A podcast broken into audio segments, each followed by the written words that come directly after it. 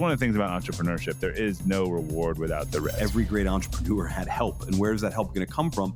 It's going to come from that social network. You don't have to be smarter than everybody else to make money doing asset allocation and save. I think there's a danger when you're in business to find arrogance, and especially if you're doing really well. At the end of the day, I ain't nothing special. I'm just a guy. What has value? Well, what has value is whatever people say has value. I'm going to get better and better and better at what I do as I get older. So the best me is going to be the me right before I die.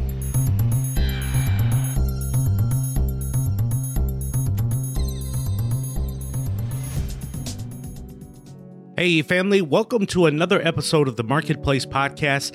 I'm your host, Priest Willis, and today is episode number 124. I had the pleasure of sitting down with Craig Dubitsky. Craig is one of the most creative minds in customer goods with a proven track record for finding the white space in competitive markets. He is the friendly founder of the Naturally Friendly Oral Care Company, whose products are vegan, never tested on animals, and made in the US. Prior to Hello, Craig founded EOS, a woman's personal care brand known for its ubiquitous lip balm. He also served as SVP of Venture Development at Simon Property Group, leading the initial investment in Method Products, the cleaning products, which was named the 16th most innovative company in the world by Fast Company in 2008. Craig himself was named to Advertising Age Creativity 50 as one of the most influential and innovative creative thinkers and doers in 2014. In this conversation, Craig shares the story of how he founded Hello and offers advice to others who want to find a transformative career. He helps others also just discover their voice and discover their inner passions about creating products and not being concerned about what the naysayers might say. I had a great time speaking to Craig. He's such a good dude. So without further ado, here is my man, Craig Dubitsky. Hey, Craig, welcome to the program. Hello, my favorite word. Thanks for having me. that is your favorite word. We're going to get yeah. into some of that.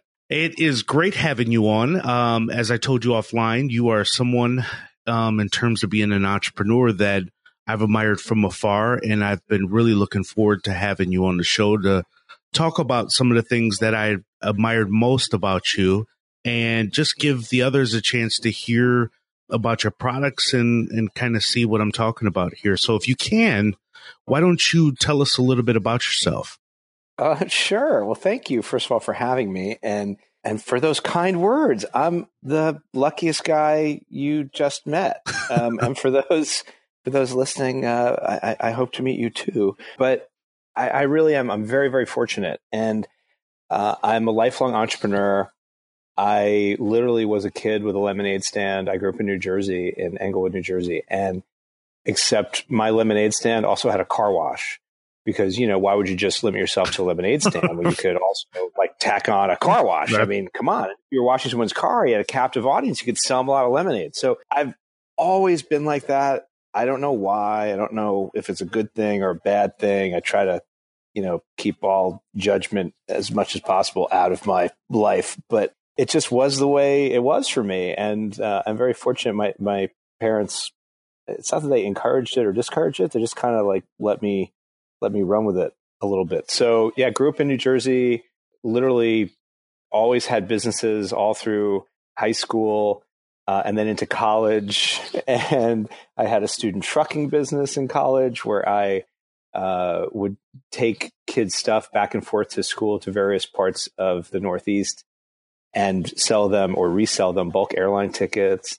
I had a food business open seven nights a week, literally sanctioned by the university in terms of their uh, willingness to rent me space in dorm rooms. So I literally had, you know, like ovens that would get put away and taken out every single night and food that was delivered every day at 5.30 and we were open from 9.30 at night till 2.30 in the morning seven days a week. Wow. In the two dorms. Yeah. I had a student carpeting business where i got the university to give me the layouts to the different dorm rooms and i would sit there with like giant swatch panels of carpet samples for the first week of school literally in front of the cafeterias uh, before dinner and let kids pick their top three choices, and then I would bundle those together, and I would buy bulk rolls of carpeting based on the you know the top three choices, and then have them custom cut to fit the dorm rooms, and then charge more if we delivered them right to your dorm room, less if you came and picked them up at a central location. Like all I did was stuff like this all through college. It's amazing I graduated, but I, I did. I switched majors a couple of times.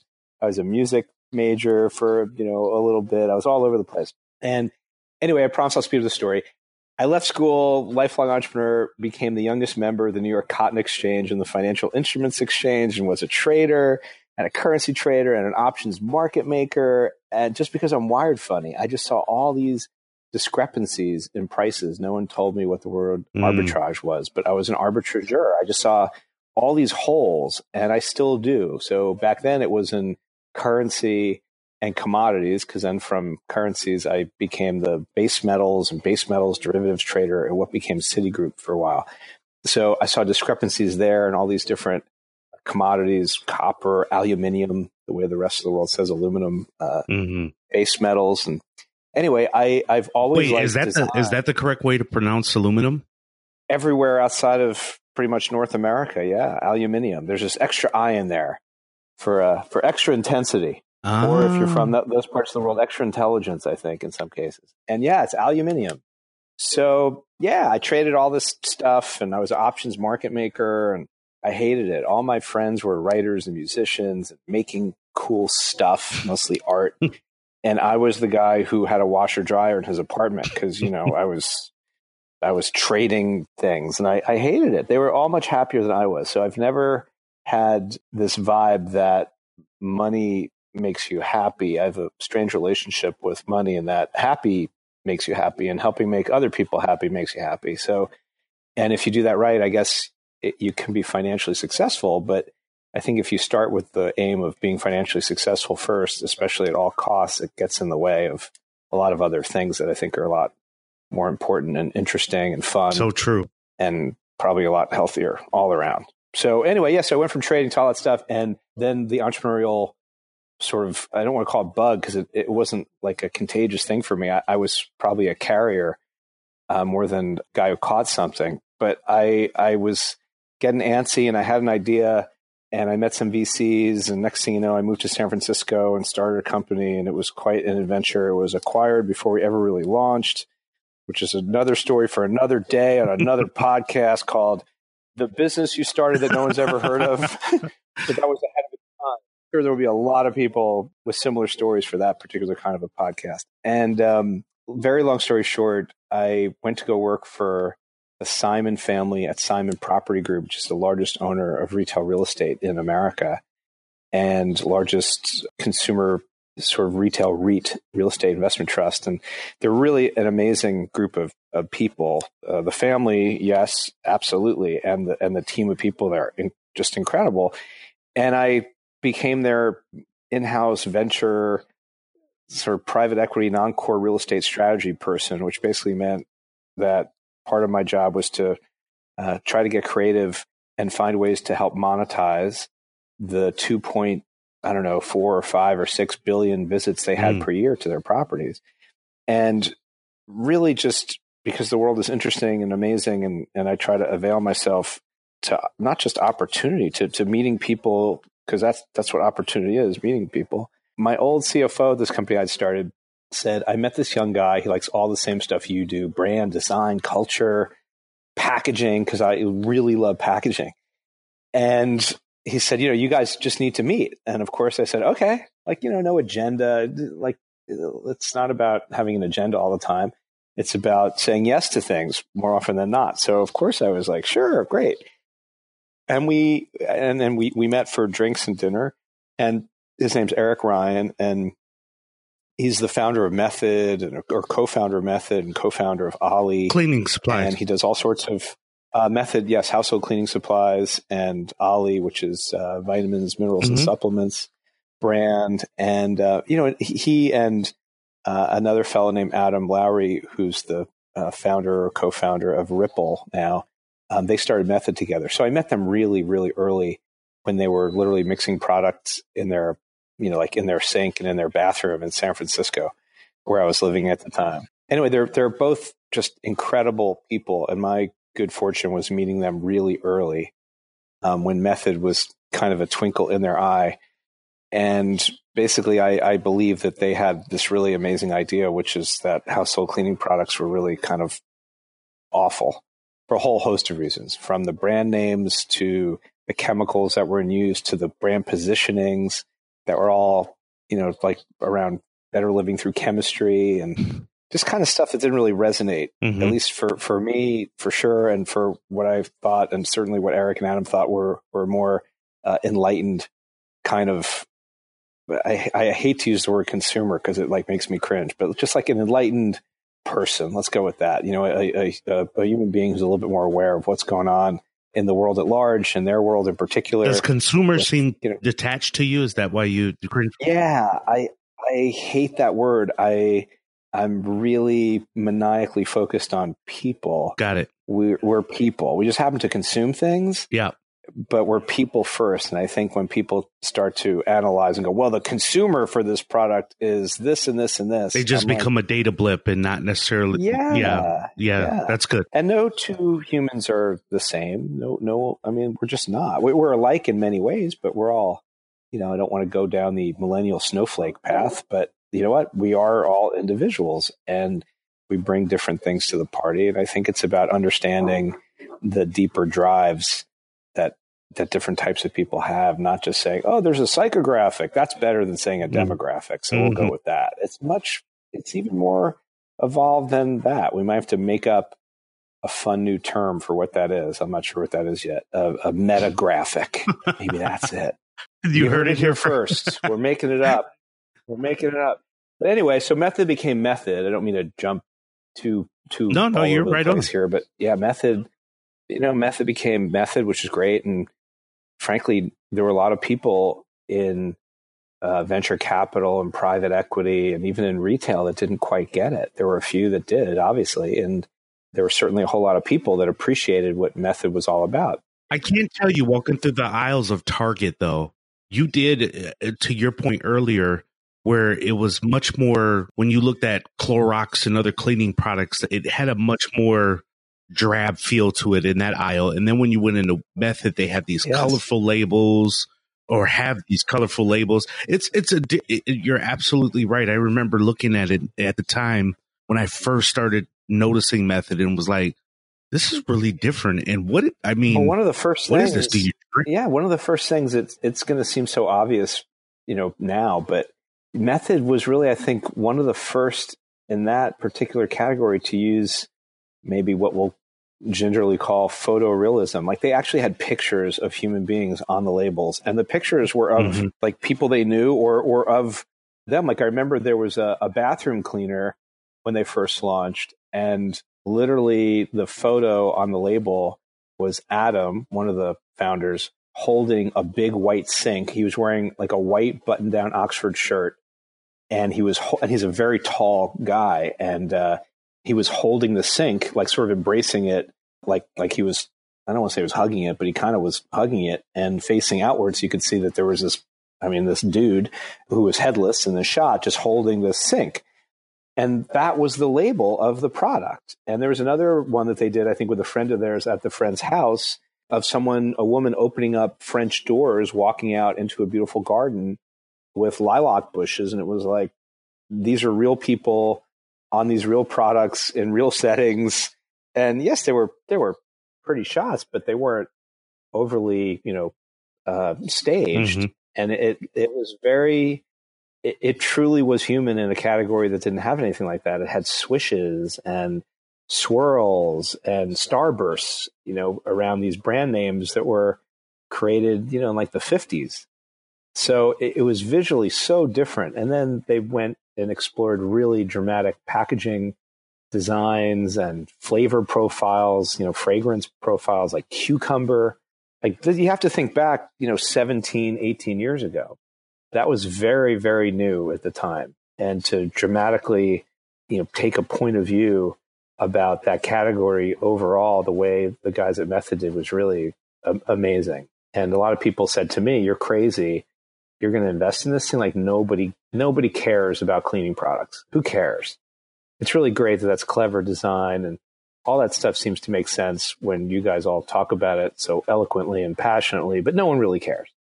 And I just remember thinking people care about everything. There's nothing people don't care about. And they vote with their wallets, yes, and they taste with their eyes, absolutely. We are all built the Mhm. same way when it comes to that stuff.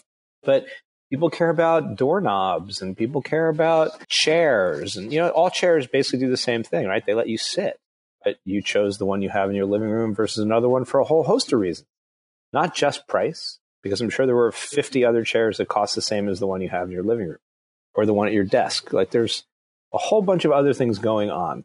And who, you know, who would have thought at the time that cleaning products could have been sort of a lightning rod for this type of discovery or way of thinking about design and brand and culture and the environment.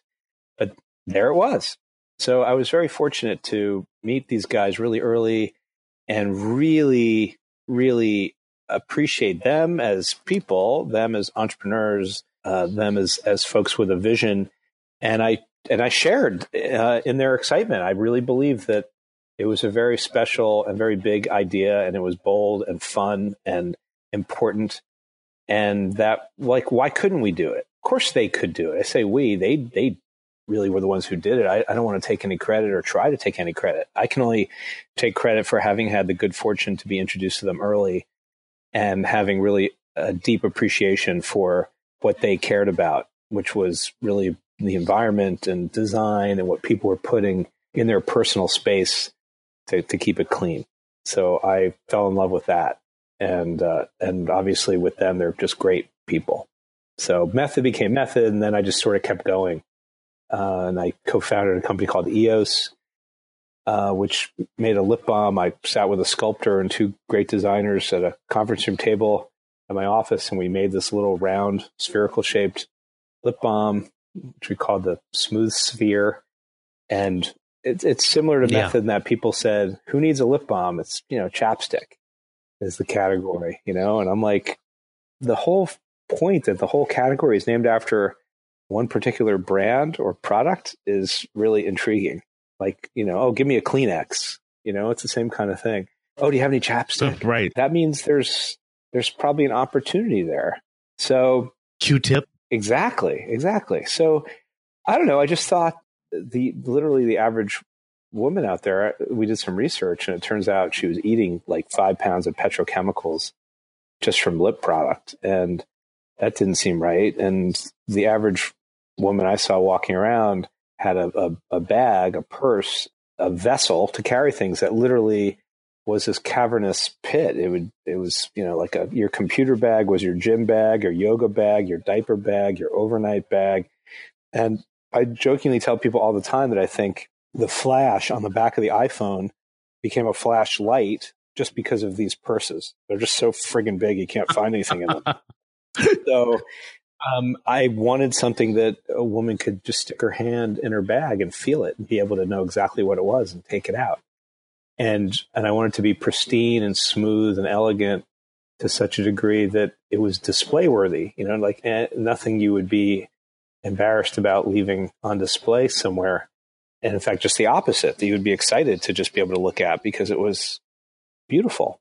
And uh, anyway, that became EOS. And then Oh my god! I mean, I have two daughters, and they they just had me. Yeah. I, I remember first time putting it in our stocking, and I would tell my wife, Yeah. like, "So it's a ball that's a chapstick, and what? How does this?"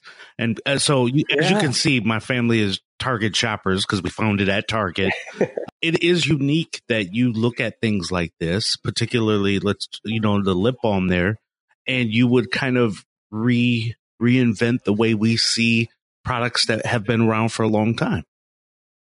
Yeah, and I'm I'm very obsessive about certain things. So I really fretted over the sound it made when it opened and closed. It really needed to click a certain way. The O in EOS has a little split in it. It's not a continuous circle because when the tool that stamps out the component part gets finished, it sort of had a, little gate mark, a little blemish. And I couldn't have that because I wanted this thing to be so smooth and perfect. So the idea Mhm. was, well, we can hide it within the break in that O and no one will see it. I made up flavor names for my wife, like summer fruit, because she became allergic to a flavor I wanted to make for her, which was peach, plum, and nectarine. She couldn't eat those anymore, so I wanted a flavor that she could at least enjoy without worrying about her allergies and going into anaphylaxis. So peach, plum, and nectarine was too long a name, so I called it summer fruit. I moved her from Atlanta. Unfortunately, she was very upset. We used to live in Atlanta for a bit, and she really loved Mm. Atlanta. We had a honeysuckle, and she loved the way honeysuckle smelled. And melon was kind of a hot flavor, and I love alliteration. And you know, if it rhymes, it, it's right in my book. So, so honeysuckle, honeydew. I made that for my wife. You know, all this stuff comes from a very pure place, and that's the other thing. I think you can't you can't just say, "Well, we're going to focus group everything and see what the fat part of the bell curve says," and like somewhere there's a little more soul to this stuff. As much as there's science, there's also a lot of art. You know, we've all heard the expression art and science, and uh, there's a lot of that human, personal touch and magic that I think uh, the science ends up supporting sometimes. Uh, but yeah, all this stuff came from a very pure place, and then uh, then I started up Hello, you know, which is its own separate company. I don't have anything to do with with EOS and haven't for a while. But I started Hello. Basically, I, I went into a store in New York City, and I'm really sometimes a little too visual, like hyper visual sometimes. And uh, even though you know when I'm looking for something in the refrigerator, it's a thing right in front of me that I can't see. you know, my wife will yell at me and say, "It's right there. It's right in front of you." But you know, I, I miss that stuff. But for some reason, I was in this store and I was walking by the oral care set, and I don't know if I was really in there to buy any toothpaste, but I just noticed the toothpaste set, and I literally saw all these pictures of extracted teeth on all these different boxes of toothpaste, and some had cartoony looking extracted teeth and others had holograms of extracted teeth but there were a lot of extracted teeth and i had had extractions as a kid and it was not a pleasant experience so no, you didn't like I it. was like, why? Not so much. And I thought, like, what is up with this? And I picked up like one box and I picked up another box and I picked up another box. I'm not a chemist, but I turned over the boxes and I saw some of these ingredients. And the first one I saw actually was saccharin. And I was like, saccharin? Didn't they like basically say saccharin had to be removed from diet sodas like 30 years ago? Like, I can't believe that's in this. yeah, I was going to say soda. Yeah. It can't even be in soda. Right. So there was all the saccharin in lots of different products, even kids' products. And I was like, okay, that's really weird. And then I picked up this other box and I saw this other ingredient and it had like a special call out that it was sort of like the main active ingredient and it was triclosan. And I Googled it and I was like, wait, triclosan, why have I heard of this? And turns out I had heard of it because the FDA had banned it from hand soap. So I was like, wait, you can't wash your hands with this ingredient, but it's in toothpaste? Like that goes in your mouth? That's crazy. So I just started, you know, I'm just a curious kind of person. So I think extracted teeth, these ingredients that are kind of like nothing you really want to put inside your body. And I started thinking about the brands and how people were just kind of on autopilot for this category of product. They just kind of like, they just go in, they either get a free sample at the dentist if they've even been going to the dentist or they're, you know, there's like a two for one sale or, you know, it just, it, it was, and, and it reminded me of the cola wars. Like it was Coke and Pepsi, like there's red and blue. hmm And it was the same thing. There was like red and blue. There was, you know, Crest and Colgate. You know, one had Max, and the other would have Ultra. One would have Total. The other would have Complete. You know, it was just the same kind of stuff. And I thought, hmm, I, I thought a lot about Method and I thought a lot about EOS because obviously those two are brands that I have some intimacy with and uh, without trying to overstate anything. And I thought, you know, this category is really wacky and the messaging is really wacky because everything to me seemed to be about fear and shame. If you weren't whitening your teeth, if you're not whitening, you're frightening.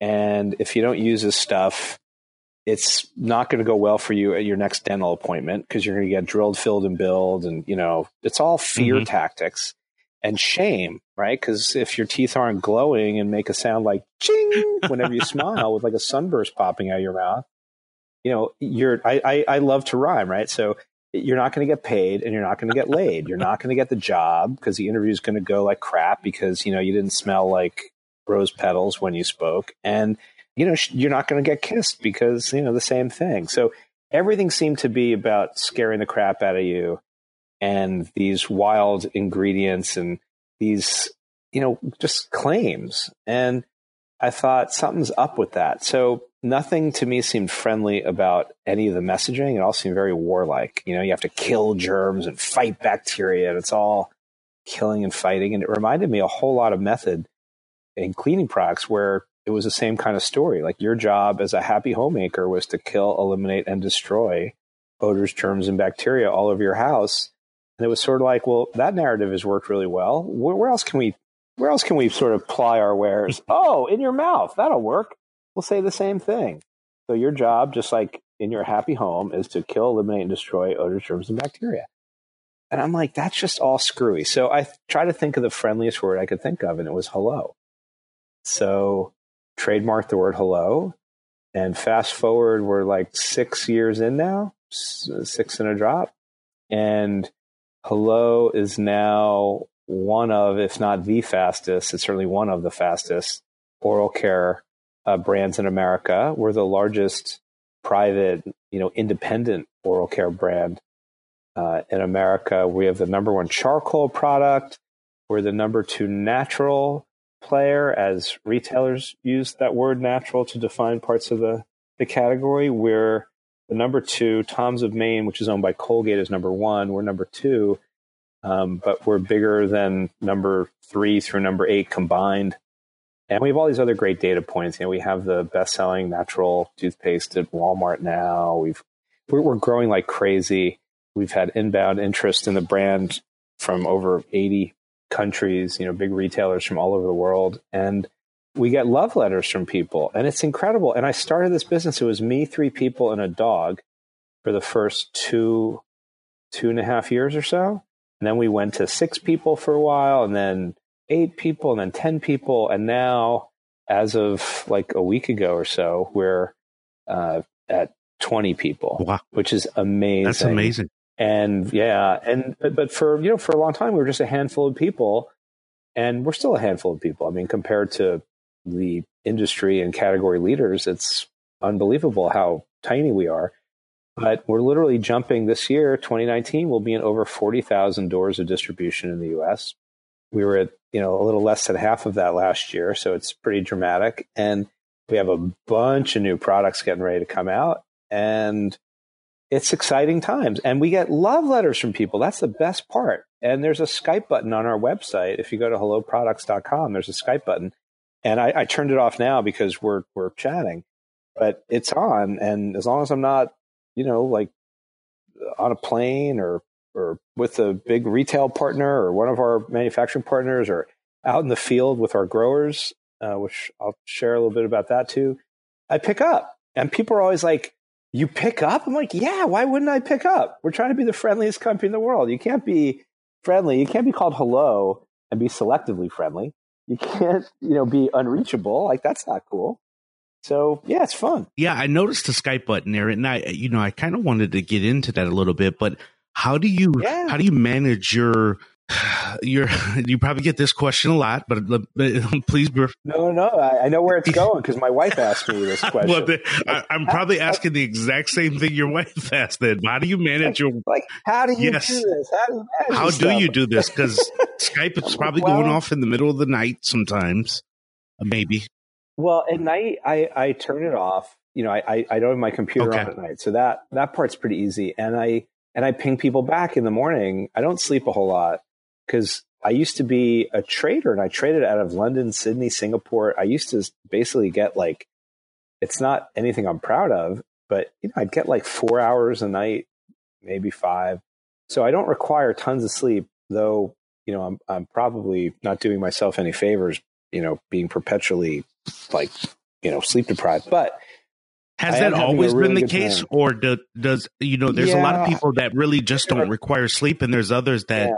Just motor on in spite of it. Uh, Has are you just kind of the I don't know. I mean, my guess is, you know, my guess is everyone does really require a fair amount of sleep, and I think it's a very good and healthy thing. Like I said, I'm not proud.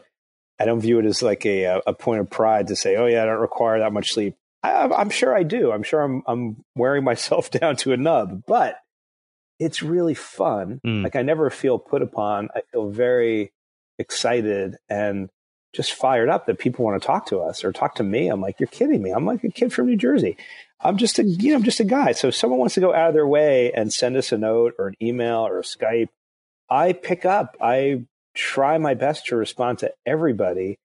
And sometimes, you know, some fascinating things happen. My favorite was I got this Skype ping from a fellow uh, from a large pharmacy chain in the Middle East. And he was the head of uh, personal care, HBC, for this big pharmacy chain. And he literally Skyped me from the desert. He was on a camping trip with his son and he knew the time differences and, and thought this would be a good time to get me because he had tried me before. But whenever I tried him back, he wasn't there.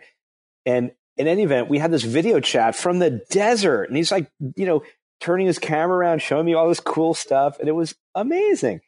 And and then, you know, you get love letters from people. There was one woman who pinged us, and I thought she was writing to complain about something because, you know, it, it almost seemed like uh, her her email almost seemed like it was a setup for something bad. For I the was butt. waiting for like this Yeah. shoe to drop. Yeah, and she said, you know, I bought ten tubes of your toothpaste, and I'm like, all right, I'm ready. Like no one buys ten tubes of toothpaste, so I was already gearing up for like you know, and there was something in it, and you should send me ten free tubes of toothpaste. But you know, I always give everyone the benefit of the doubt, and I was so glad I sort of took this sort of like pause, this little beat, this little cleansing breath moment as I'm reading this woman's email. And basically she she she said that like one of the tubes she squeezed it and like the back of it opened up and she just wanted to let me know. So I thought, well that was a, that was not what I was expecting. I wrote her a letter back and I said, you know, I'm really sorry to hear that one of your 10 tubes, you know, unsealed in a way that it wasn't supposed to. I mean, that could happen, I, I guess. We're very fortunate. I'm knocking on wood. You know, we make our products in America and FDA approved facilities. I mean, but look, when you make things and when you make a lot of things, sometimes, you know, there could be an anomaly, right? Sure. So I obviously was more than happy to to believe her and and I won't even say give her the benefit of the doubt because I wasn't really doubting anything. But you know, things can happen. So I apologized and I said I'd be more than happy to send a replacement. And I wrote, I'm sure something else, you know, nice, like, you know, thank you so much for buying our stuff and thank you for getting in touch with us and sharing and all that stuff. And she wrote back to me and she said, I can't believe the founder of the company wrote to me, which I was like, well, what, like, I can't, if you write to a, you know, your oral care company, like, that's amazing. Everyone has more important things to do in life than write to a company that might be making their toothpaste. So I really appreciate that. You've no idea. We all do here. So, so she said, I can't believe you wrote back. And I, kn- and this is the best part. She said, and I know you didn't ask for this, but here's a copy of my receipt from Walmart. I ordered online and I picked up in store or had it, I think she said, or picked up like curbside.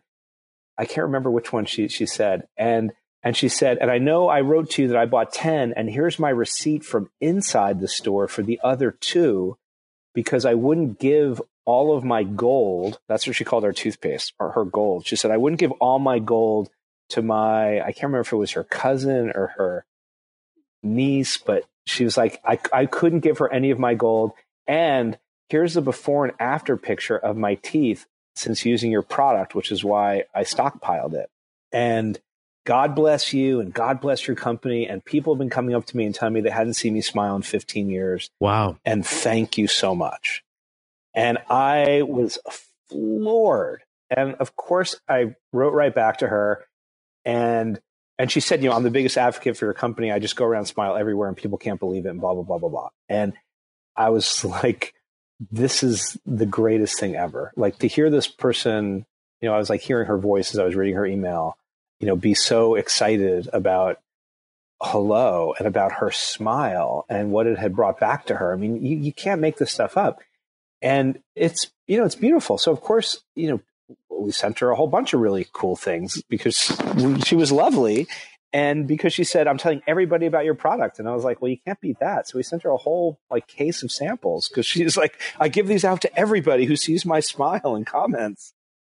And it's a treat. And it's not, I don't want it to come across like, oh, what a fortunate, gratuitous sampling opportunity we got. That's not the point. That was that was just a great bonus, and we were just happy to hook her up because she's just so happy, and happy begets happy. You know, just it's beautiful. Yeah, the point here is what you alluded to earlier that she's not a consumer, quote unquote. I mean, she consumes, but she was a person.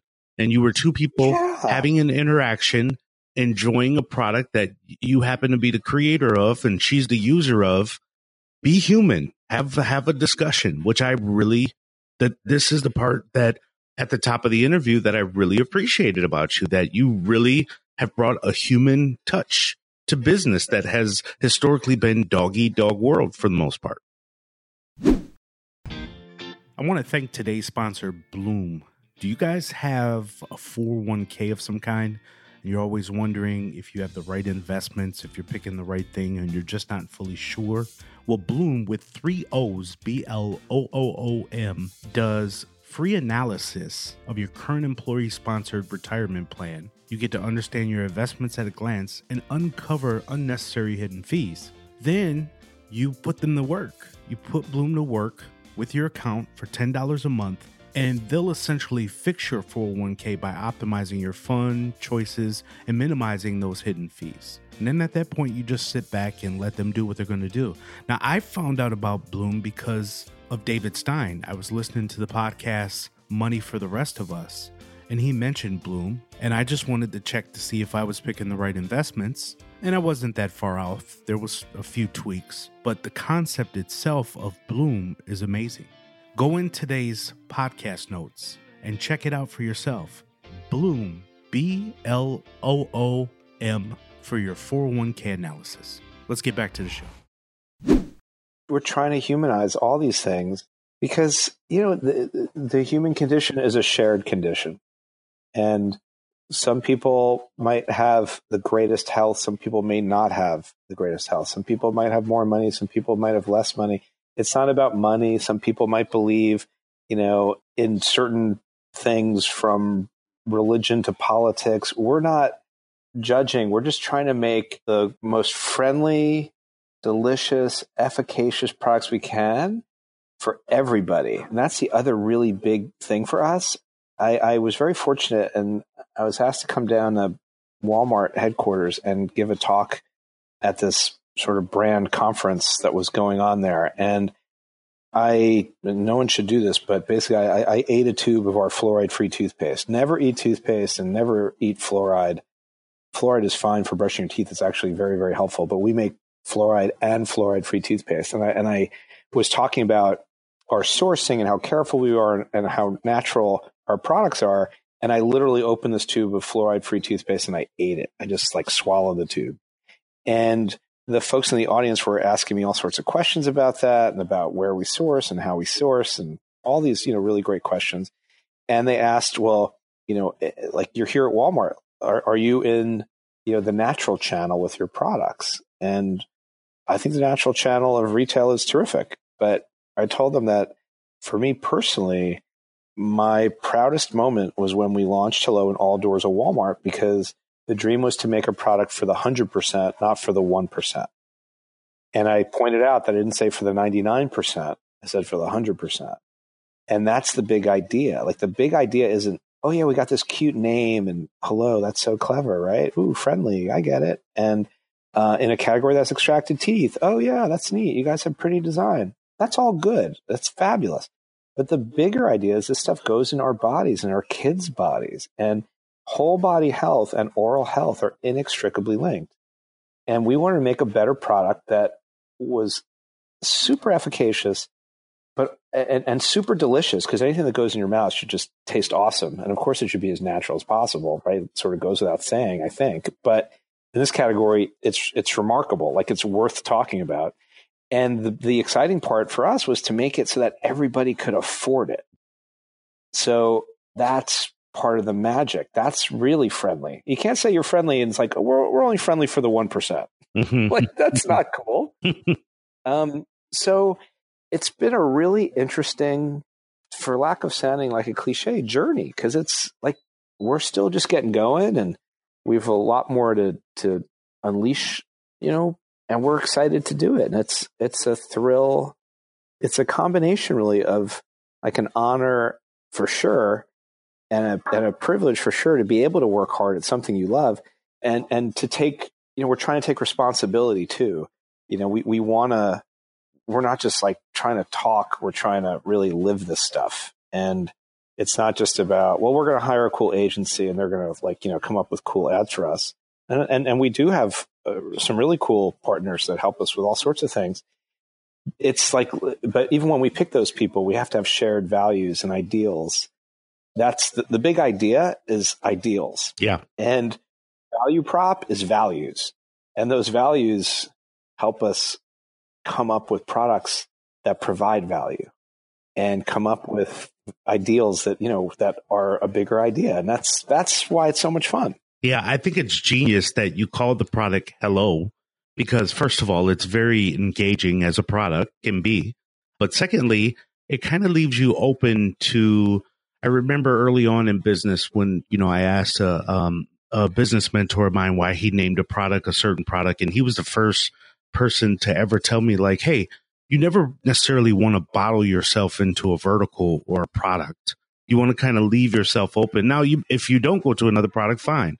But if you wanted to, if you want to go to Hello Deodorant, for example, I'm making this up here, but it kind of sure. leaves you, Hello, leave you open to that concept. Oh, yeah. It's Hello Products Inc., not Hello right. Oral Care Inc. It's kind of like when Apple became you know, Apple Inc. from Apple Computer originally. You know, that gave them license to make iPods and iPhones and Apple TV and God knows what else is coming. And it was a conscious decision, literally, when I incorporated the company to to do that. It's it, it just gave us latitude, and you know, it, it, we're very focused. Oral care is what we do, but there are a lot of other categories certainly that that you know you've named a couple, and we've you know keep, kept our eye on a couple that could use a little more let's just call it friendliness you know from an ingredient standpoint or a design standpoint uh, a thoughtfulness standpoint so yeah it's um, why pigeonhole yourself yeah i thought this was an interesting quote i read you that you said the word that gets used a lot is disrupt um, you don't necessarily want to disrupt you want to delight which i yes. thought was very very interesting yeah, I am. Um, thanks. I, I, uh, I'm very lucky, like I said, and sometimes I can get myself into trouble because I just, it's not that I just say things. I, I hope to be thoughtful about things, but you know, in the moment, things just hit you sometimes. And someone was talking about what we were doing and they said, you know, you're a, you're a challenger brand. And I said, I don't want to be thought of as a challenger brand. That sounds very, you know, combative and confrontational. I said, I want to be thought of as a questioner brand. And they're like, what's that? And I said, well, when you see hello and you use our product, it makes you question what took so long? Why didn't anybody else do this?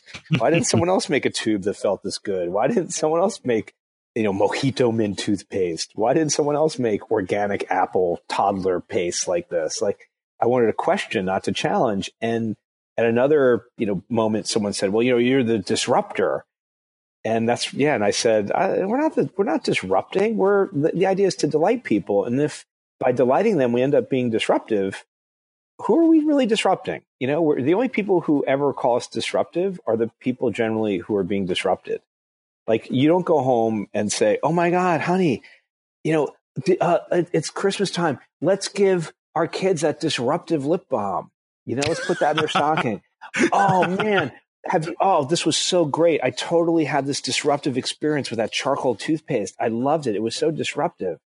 The way, you know, it whitened my teeth and was black when I brushed, but then my teeth were white. God, that was so disruptive. you know, it's like, no, it's, it's, we're trying to make everyday things, you know, a little more magical and elevate.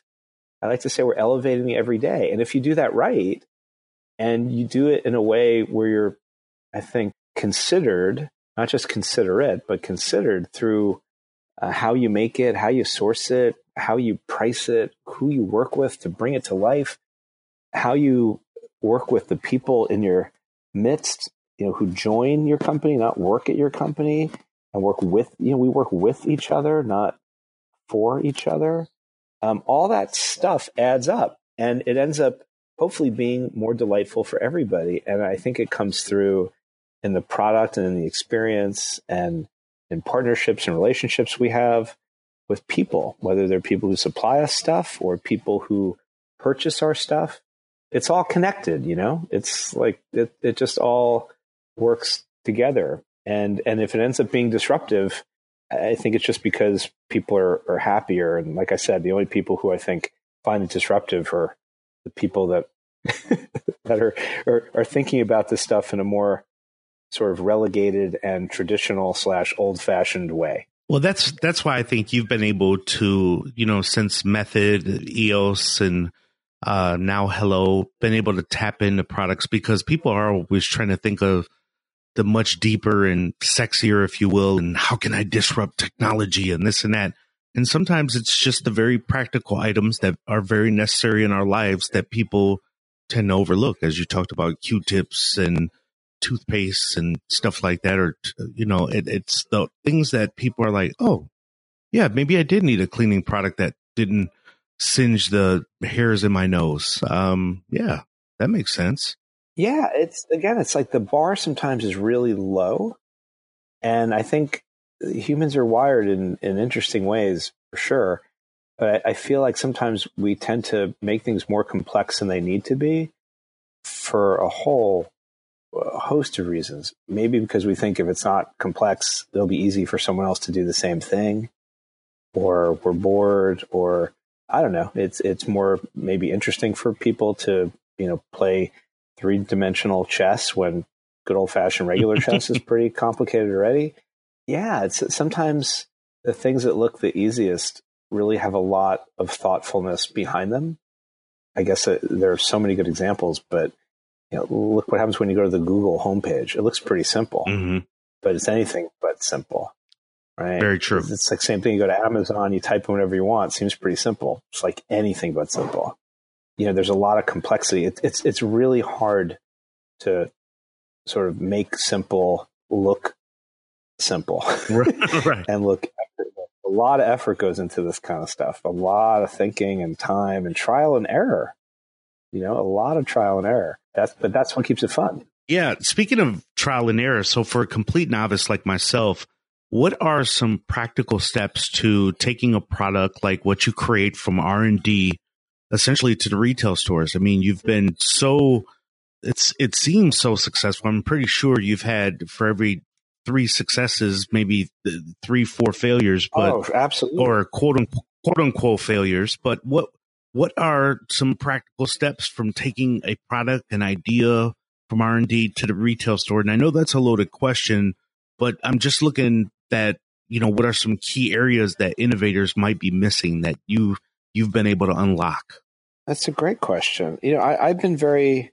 I know I start off by saying how lucky I am, and it's really true. I've been very fortunate to have had some really wonderful experiences with brands and what we'll call transformational brands, you know, brands that had an emotional sort of like lightning rod point to them or set of points that, that got people excited. So having now had a few of these, I've been very lucky because, you know, it used to be that if you went to go see a retailer or something really new, there was a lot of risk in that the retailer wouldn't take something new because, well, what is it? How's it going to work?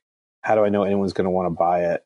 And I think that times have really changed. And now I think retailers and e-tailers are now seeing that sometimes the risk is in not trying something versus in trying something. So mm-hmm. that helps a lot of people. So I think there are a lot of brands that took a lot of arrows in the back as they were pioneering and hopefully paved the way for a lot of us, myself included. So there's that. The other thing I would say to entrepreneurs out there is it's incumbent upon us to not just fall in love with the thing we're trying to, to create, but I always tell people you got to fall in love with the problem. And then you never stop innovating and creating because the problems usually don't get solved mm. so quickly you can come up with a great item and say, "Oh, here's this great idea I have," or "Here's this great brand name I came up with, and I want to build a product around that." Like i have I've heard from a lot of entrepreneurs that uh, get excited about the idea of a brand, and it's usually just a word. It's not Mhm. a brand; it's a word. And I'm like, something becomes a brand when it's a when it's when it's a word that then A tangible thing. has an offering to Yeah. it, yeah, and- or an experience that someone can fall in love with. yeah. with. If they just fall in love with the word, if you came out with the most just sublime, mellifluous, gorgeous, oh my God, you trademarked the word, you know, whatever, fill in the blank, right? Joy. And wow, everything should be more joyful and joyous and joy inducing. And wow, that's great. Well, what's the product? Like, what's it going to be? What is it solving for? What is it improving upon? What is it making better? And I think as long as you keep focused on the problem, you'll always find new ways to keep making it better. Because if you just have an item, a product, a single proposition, that's not enough. Because someone else will say, oh, well, you know what? That's pretty good. They found that ingredient, this ingredient, and they called it joy or joyful or joyous. But, you know, we're coming up with, you know, uh, rapture. And rapture sounds better than joy. You know, it's like even heightened joy. Ours is even better. You know, so it's like, well, well, but, if you're in love with a problem, you're going to keep creating more things that are joyful Mhm. and joyous and joy inducing. And then it just never stops. It becomes a bigger thing rather than I have this item. So again, it goes back to like ideals and, and using those ideals to help spark more ideas that are all focused on trying to provide better answers to a larger set of problems that could, you know, address and, and hopefully help a, a whole lot of people. So I say like fall in love with the problem. That's really good. That's Fall in love with the problem. That's the thing. I yeah, like and, that. and retailers, yeah, and retailers will, you know, they'll they'll find you, you'll find them, but that's not the tricky part. You know, and there are e-tailers and there's plenty of direct to consumer companies that aren't relying on retailers at all. And now retailers are coming to them because they see these interesting brands getting traction. So it's it's not to not to uh, discount the value of a strong retailer and, and retailer partnership. We certainly like them a, a lot. You know, our retail partners. It's about you know again figuring out what you're solving for and how you're solving for it and how you're constantly going to keep improving and solving for it. Like once you think you've solved it, you're toast. You've never like like these problems tend to be so big because no one's really fully solved them. We could all say, well, gee, I can now carry a phone in my pocket and call somebody anywhere, so the problem's solved. But that's not the case. Like how many cell phones have you you know you had or I've had in the past fifteen or twenty years? Mm, Like it yeah. just keeps getting better. Things keep getting better, and that's Yeah. that's the idea. Keep getting things to be better. Do you largely sell online? I know, obviously, I know you're in the retail stores, but does the larger Yeah. amount of sales come through e-tail or does it come from the retail stores? No, still for the most part, I, I think the last figure I'd heard, which is a, a general figure, was something like 95 or 96% of oral care products are bought in traditional brick and mortar Wow. retail. We do a lot on Amazon. Our, our kids' toothpaste is the number one selling kids' toothpaste on Amazon, our watermelon fluoride free toothpaste.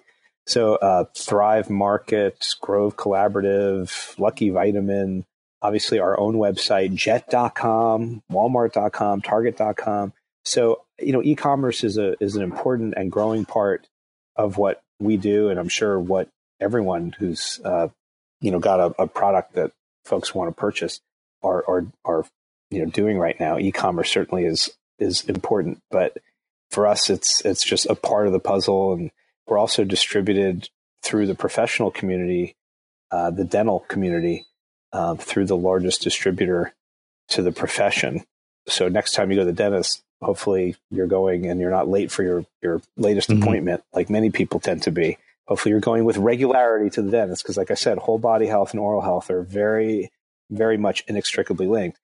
Uh, but next time you go to the dentist, there's a good chance you might be getting hello uh, from your dentist as well, which is really great. Wow. Yeah, so we're very excited. Yeah, I'm a hypochondriac, so I, I absolutely go to the dentist. Um, I, I know the fears that are out there for people in the dentist, but I'm, I, I, I just, I, I'm the total opposite. If I have one thing that appears to be off, I, I make my way. So Well, better always, always better to be safe.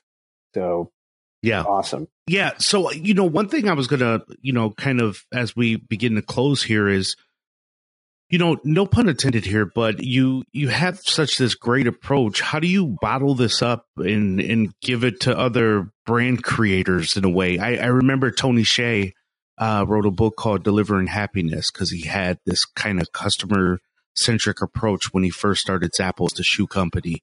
How do you mm-hmm. get the word out about how other companies not to lecture people, but almost to say, hey, man, we don't, as businesses, we don't have to trample over people and treat them like numbers. We, we can collectively have a human experience, but still uh, be capitalists in a way.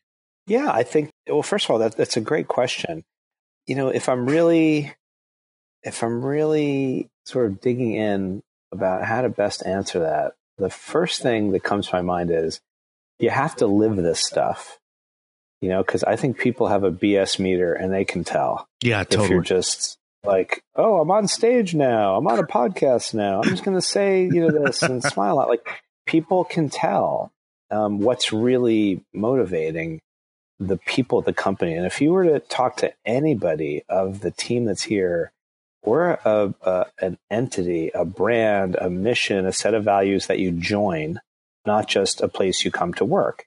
Because anyone could get a job, right? We're all hopefully mm-hmm. healthy and and you know employable mm-hmm. and adaptable. That's not the idea. It's like you know how can we do our best work, create the best outcomes for the largest number of people. And I think because we're all built that way here, the level of passion we have is palpable. And I think we're all carriers of this sort of friendly contagion and we're going out there talking about hello yes absolutely as toothpaste sure but as a, a company with ideals and the more we live those things and go out and talk with people whether it's right here right now in a podcast or someone skypes with me or you know i'm, I'm looking our fabulous head of sales is, is here in the room waving to her and she's waving back. Hi kim. Um, you know we're all out there like living this stuff and it it it it communicates in ways that it really goes beyond marketing and advertising and what'd you call the company? Like it all adds up but it all kind of delivers and there's no silver bullet. There's no quick like oh we're just going to tweet this one thing and the world's going to take notice and go crazy. It takes time and the more we're out there in the world talking and, and meeting with other companies and partners um, the more folks get to learn about what we hopefully not just care about but are trying to bring back into the world you know, it's like be the difference you want to see in the world kind of thing. Mm-hmm, and mm-hmm. I hope that that because we live in this connected world, certainly through things like technology, that certainly helps, but through these emotional connections, some of them heightened through technology, we can share these ideals and it just starts to go. And I feel like there's been a, a terrific momentum over the past you know year year and a half for us where people are starting to understand what we stand for and what we're about, what we're trying to do, and they're joining, not just purchasing. That's amazing. And that's really important. So we're not about, you know, transactional yep. behaviors. We're about hopefully transformational, really fun behaviors and making things better and more beautiful and interesting. And the more we keep doing that, like I was saying, you know, when, when we were chatting earlier, that I have this really simple math equation, which is you put positive out, positive comes back. You put negative out, generally negative comes back. We're trying to put out as much positive as we can. And we do chat with other companies. There's so many wonderful entrepreneur led companies, and I'll qualify entrepreneur not just as someone at a startup. Like there are plenty of amazing startup brands out there, and there's so many, and they're so awesome. Whether it's you know, go down the list, right? And just, you know, pick a category. You could say shaving. Oh, it's Dollar Shave Club. It's Harry's. It's Billie. It's now Flamingo, which is part of Harry's. You know, there's probably a whole bunch of Bevel. Like there's a whole bunch of these amazing brands. I didn't mean to pick on shaving, but just as an mm-hmm. example, you know, if we were talking about mattress companies, you know, there's Casper and there's Leesa and there's, you know, Saatva and Tuft & Needle and Purple and uh, there's Allbirds and shoes. There's M.Gemi and shoes. Like you can go down a, a whole list of these startups in food, don't even get me started. There's just so, so many and they're wonderful. And these are impassioned people. And we, many of us know each other and, and if not, we sort of sometimes go out of our way to get to know each other. And, and if you're listening and we haven't met, no matter what you do, give me a shout. But um, we're all entrepreneurs, and inside of big companies, I, I am very fortunate, and sometimes I get to go spend time with some really large companies, and I talk to them the same way you and I are talking, and I say, you know what, you're entrepreneurs too. And the dirty little secret is that most small companies wish they were a big company. And many big companies wish that they could act like a small company. Mm. And that if you have an idea and you bring it to life, then you're an entrepreneur. You could be inside of the biggest company or one of the biggest companies in the world and still be an entrepreneur. If you have a vision and you have an idea and you make that real, then you're an entrepreneur. It doesn't mean you're to- the little guy toppling the big guy. And it doesn't mean you're an intrapreneur. It doesn't always need another label. If you have an idea and you can make it real and it betters somebody else, whether that somebody else is, you know, an end user or your company because, you know, you generate more revenue or whatever it might be, then you're an entrepreneur. And guess what? Like you're doing, you're doing good things in the world.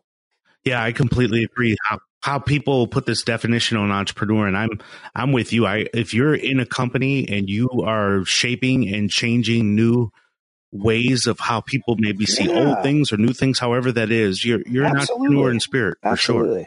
Speaking of, uh, you know, one of the things because you you you touched on this briefly about your math equation, putting good things out, you know, and getting good things back, and then vice versa, of course.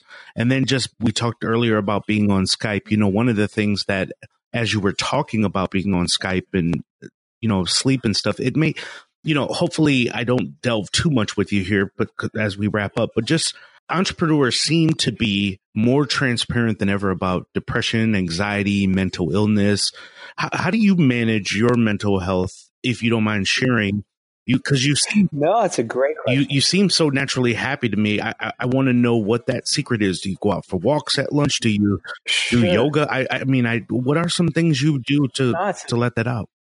It's a great question. I I tell people so I, I haven't been asked that exact question. I haven't, but I've been asked before, like, God, you're so happy. Like, what is it about you? And generally, I I have a lot to be very grateful for, and maybe my happiness comes comes from a, a place of of general gratitude, as mm-hmm. cheesy as that may sound. But I'm really grateful for a whole lot of things, and I'll tell you my my wife is a clinical psychologist, and I tell people all the time I'm her whole practice. I had to bring it in house. she is full time on PhD in clinical psych. So I have constant round the clock help in terms of my own personal mental health. Yeah. But she would say, because people have asked her, they're like, "How the hell does your husband act this way all the time? Mm. Is this an act?" And she goes, "No." And she said this to me too. I couldn't believe it. I thought this was maybe a, a bad thing she, but, but it may not be. She said, "Oh, you're hypomanic," and I said, "That sounds terrible." And she's like, "No, it's actually kind of interesting." And and honestly, bad things happen because you know part of living is experiencing all sorts of things. And it's not that I haven't had my share of of uh, calamity or sorrow or you know failings. There there are you know many, and no one goes through life unscathed. But I have a real appreciation for how bad things can get Mm. um, I've survived cancer. I've got all sorts of, you know, stuff like no one, like I said, like no one comes out unscathed. And I sort of look at it like every day on the right side of the dirt is a good day. And like, what's so bad? Like maybe you didn't close on something you thought you would, or maybe something didn't come out exactly as great as you had envisioned, or maybe somebody disappointed you and didn't understand. And maybe you said something you shouldn't have and you're angry at yourself. And, you know, there's, there's, a never ending litany of, of uh, things that, that could disappoint or make you sad. I try to focus on um, just constantly, just constantly trying to stay focused on how fortunate we are to even be able to have a conversation like this, to be able to come into a, a, a physical place with people that are also happy to be here.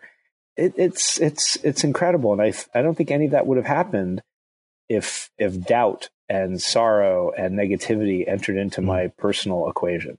So I I think it's very hard to muster happiness and just say, well, you just create happiness. You know, you create sorrow in your life, you could create happiness. It's not that easy. And mental health is a really important topic, understatement. I mean, really understatement. And I think it's important for people to work really hard. It's very difficult to figure out what makes you really happy. There's some basic things that should make everybody happy, right? Like if you if you have your your physical health, that's that's a great place to start. If you have somebody who cares about you, that's a really important place to start. There are a lot of people out there who don't have or feel like they don't have people who care about them. If there's someone in your life that you care about, you should just call them up or use whatever form of communication you have, social media or otherwise, keep it private, direct message them, whatever, but tell somebody you, yeah. you know, you give a shit about them. Um, it's really important. It's really important. So I've had people that have told me that I mattered and that's made all the difference. And I try to tell people my life that they matter and, and do and not just talk. And, um, yeah, and Man. all that stuff adds up, you know, they're just all ripples, but they, they matter. Craig, that's superhero material to me. I mean, just kind of your outlook on life in spite of some of the challenges. I mean, man, I can't say enough about it. So listen, what can we look for from Craig and hello in the future? And um, feel free how people can reach out to you. Obviously, we know Skype is an option, but people yeah. want to. Yeah, Skype know. is an option. Yeah, my my I give my cell phone out. People are like, you give your cell phone out? I'm like, yeah, why wouldn't I? It's like, you know, eh, I mean, why why wouldn't I? I find that people are generally very, you know, I love people. Respectful. Yeah, and I love people, yeah. right? And hopefully people are mindful and respectful of other people, you know, time and things like that. And I've only had really good experiences. So yeah, my so Skype me from the website. My cell phone is 917-392-1000. Someone asked me, they're like, how'd you get such a good number with a thousand? And I'll tell you, I, I went into the store and I just said, you know, this other number I have, and I jokingly tried to spell words with the number that I had, and it was like I was having a really fun time with it and spelling some really scary things. And I said, you know, do you have any chance to get a better number? And the guy just, I made him laugh, and he's like, let's see what we got. And he's like, oh, how about this one? And it was this number that I've had for a long time now. So 917 392 1000. And, uh, you know, yeah, you can email me right from the website. It's all there. And uh, LinkedIn is phenomenal. And I'll tell you what, I think, you know, we have on our website, there's a place probably for a code. If you put in, if you order hello from our website and you put in hello, Craig, I think there's a discount code. I think. Um, I'm pretty sure.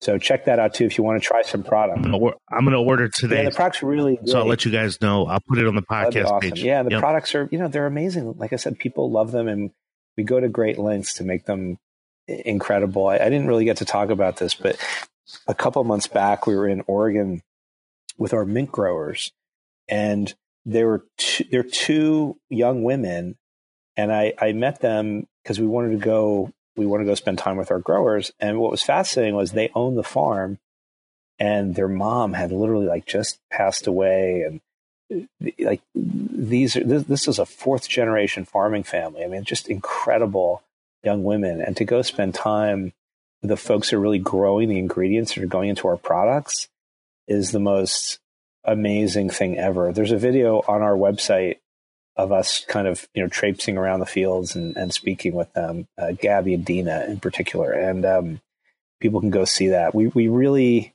again we spend a lot of time with how we source and where the ingredients in our products come from.